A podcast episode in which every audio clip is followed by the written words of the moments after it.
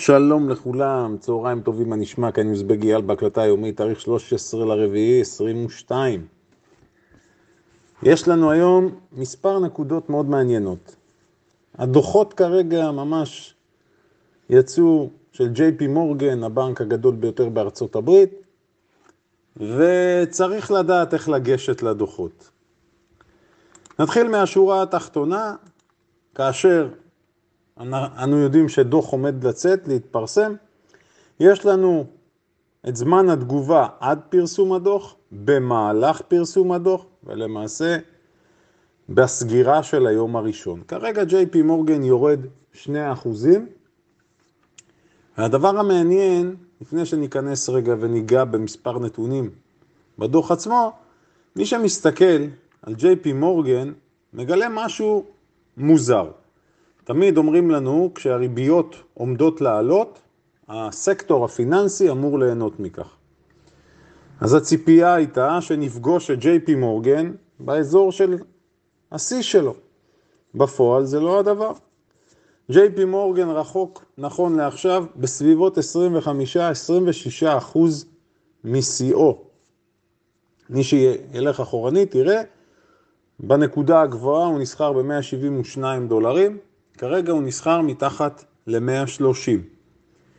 וזה סיפור. עכשיו אם אנחנו ניקח בנקים נוספים כדי לראות האם גם שם הסיפור דומה, אנחנו מגלים תמונה די דומה. גם בבנק אוף אמריקה זה נראה כך, גם Citigroup נמצא אפילו רחוק עוד יותר, מי שיבדוק בכלל ימצא ש-Citigroup רחוק כמעט 40 אחוז מהשיא שלו. מדוע זה מהותי? כי אנחנו נוטים הרבה פעמים להסתכל על המדדים ולהסתכל על כל ה pool הזה, כל הסל של המניות כמקשה אחת, אבל זה לא מדויק.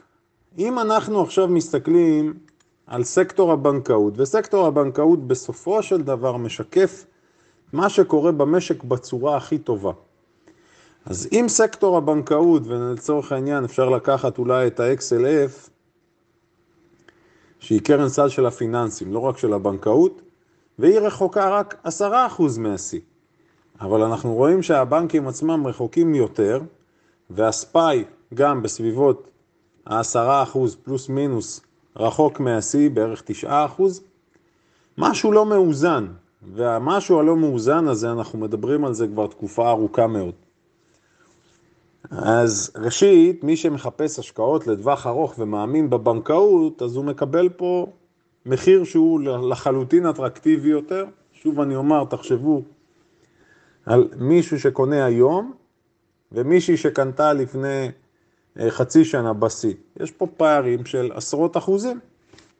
אם אנחנו נכנסים לדוח עצמו, אז בסדר, הם מפספסים, וביחס גם לשנה שעברה, אנחנו רואים את זה, אבל המגמה היא מה שקובעת ומה שחשובה, ולכן זה המצב.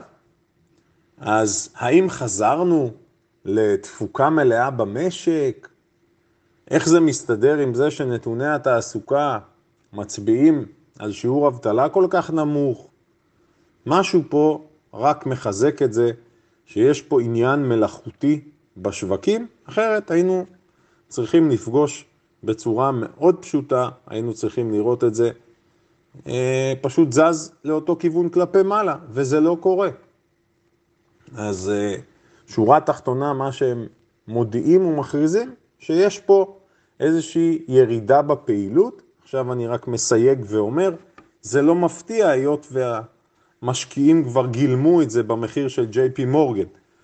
אז עד שהיום הזה לא מסתיים אי אפשר לדעת, יכול להיות שהירידה תימשך, יכול להיות שנראה שינוי כלפי מעלה, אבל בכל מקרה הירידה הזו כבר מגולמת, אין פה באמת הפתעה. לעומת זאת, יש לנו את הדוחות של דלתא איירליינס. דלתא איירליינס עולה כרגע שישה וחצי אחוזים, מה שגורר את כל סקטור התעופה כלפי מעלה. מי שיצלול קצת יותר טוב למספרים, אז הוא יראה גם דבר שהוא די מוזר. זה לא שדלתא איירליינס עכשיו פה עברה להרוויח ערימות של כסף. ההפסד אה, קטן מהצפוי, ומבחינת הצפי קדימה, הם רואים חזרה לפעילות אה, מלאה, כאשר הביקושים שוברים שיאים. נזכיר רק שבכל מקרה הענף של התעופה זה ענף שהרווחיות בו מאוד נמוכה. אז גם כאן יש איזשהו משחק, תמיד כששואלים אותי על סקטור התעופה, אני אומר, זה סקטור שאני לא הייתי משקיע בו שנים קדימה. שולי הרווח מאוד נמוכים וכל הזמן יש איתו בעיות. אז כרגע המומנטום חיובי, ושוב אני אומר, ההפסד קטן מהצפוי. הצפי קדימה, וזה מעניין, כן? לדרישה וביקושים הגבוהים ביותר ever, שזה מסתדר. מדוע? כי כולם רוצים עכשיו לנפוש ולטוס, ואיפשהו סוג של אה, פיצוי על התקופה הזאת של הקורונה. בקיצור, סוחרים קצרים, תרכזו לכם היום רשימה של מניות התעופה, כמו שהחבר'ה כבר ב day trade שלנו עשו. תתמקדו בזה, גם, גם סוחרי הסווינג יכולים למצוא פה מה לעשות. לגבי הבנקים, אז אמרנו ש-JP מורגן מתחיל את זה ויהיו עוד פרסומים השבוע, אז נראה לאן זה הולך. זה בגזרה הזו. הלאה. עוד דבר חשוב, היום יש הנפקה, תודה להראל שעדכן אותנו. הסימול של ההנפקה היא חברה שקשורה לאנרגיה. צריכה להיות הנפקה מעניינת. מי שיודע לסחור הנפקות, אז להשתמש בטכניקת מסחר ההנפקות גם לתוך היום וגם בכלל, כמובן. לראות שהיא עומדת בקריטריונים של הסינון, נפח מסחר, מה המחיר הפתיחה שלה וכולי וכולי. הנפקות יכולות להיות מאוד אגרסיביות ביום הראשון, בכלל בימים הראשונים שלהם. עוד דבר, אינדיקציה שאנחנו מקבלים, ביחס לשנה שעברה, אם אני מודד את מספר ההנפקות, יש ירידה דרמטית במספר ההנפקות השנה ברבעון הראשון, לעומת שנה שעברה. מדברים בערך רבע. השנה רבע ממספר ההנפקות בשנה שעברה, ומספר הנפקות גבוה מעיד על שוק שנמצא באופוריה ושוק חם. מספר הנפקות נמוך, במיוחד כזה, מעיד לחלוטין על סנטימנט שונה לגמרי של המשקיעים. חזרנו ואמרנו ש... שנתיים אחרונות, מה שהייתה החגיגה הזאת, היא הסתיימה, אנחנו לפני תקופה אחרת, וזה עוד פרמטר שמחזק את זה ביג טיים.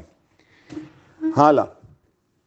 אתמול ראינו את התנועה החזקה מאוד מפלוס 2% למינוס, מה שאנחנו קוראים בשפה המקצועית green red, מעבר מירוק לאדום. נפחי המסחר ממשיכים להיות נמוכים במדדים המובילים. אנחנו קוראים לזה choppy.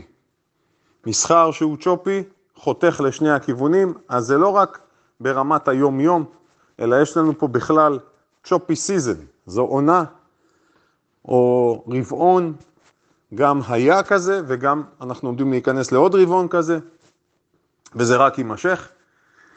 אני מזכיר כל משך העלייה מעלה, אחרי התיקון שהיה של 20 ומשהו אחוזים בנסדק, דיברנו על זה שהעליות הן מוגזמות ומלאכותיות, ואנחנו רואים כמה שזה התברר כנכון.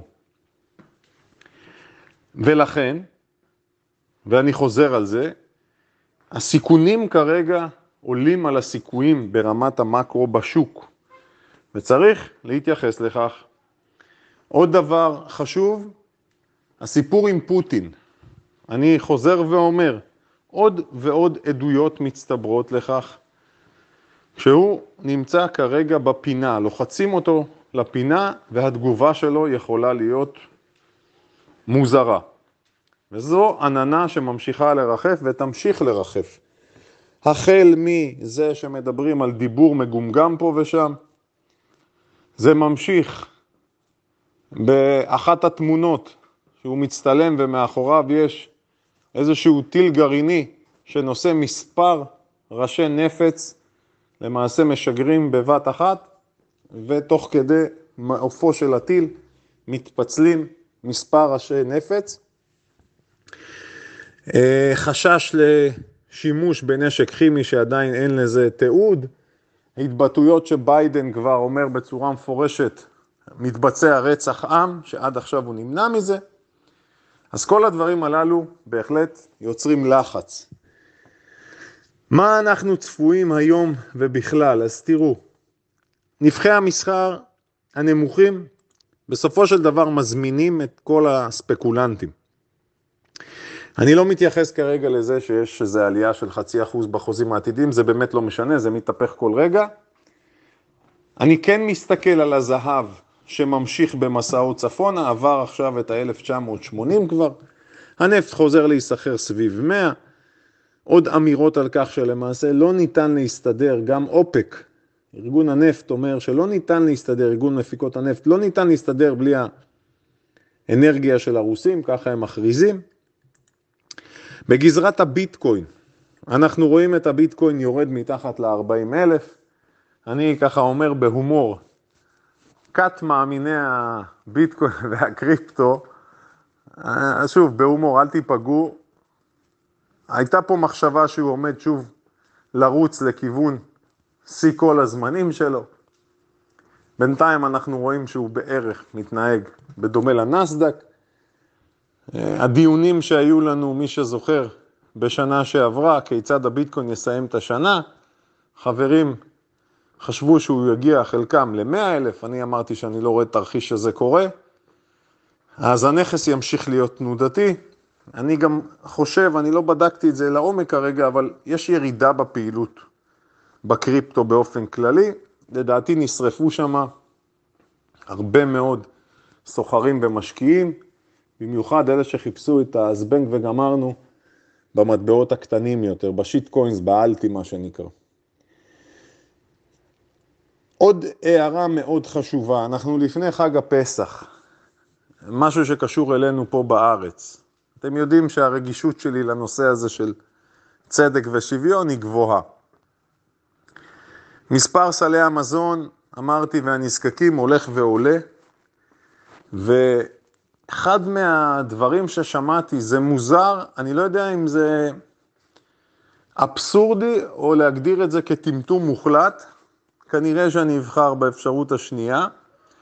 משרד הבריאות מתנגד להוריד את מחירי הבשר, והטיעון, פשוט טיעון זה משהו לא להאמין. הטיעון, צריכת הבשר בישראל היא צריכה מאוד גבוהה והיא מזיקה לבריאות. אז אנחנו לא רוצים להוריד את המחיר. טוב, בואו נפתח את הטיעון המדהים הזה.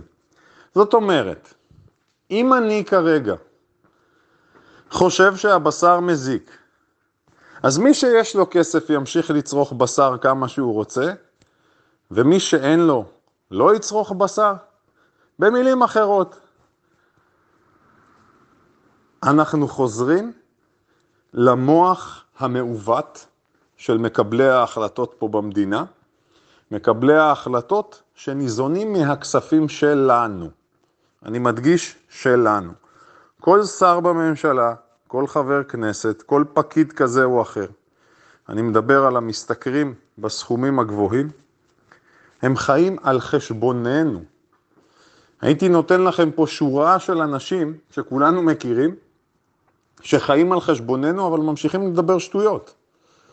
אז אה, זו אחת מהדוגמאות באמת הכי מוגזמות שיש, וכשנחליט על שינוי צריך להתחיל בדברים האלה. זה רק מחזק עוד פעם את המוח המעוות של החזיר, החזיר השבע, שפשוט לא מסוגל לראות את המציאות ולא מבין מה קורה ומה מתרחש אצל אלה שיש להם קושי.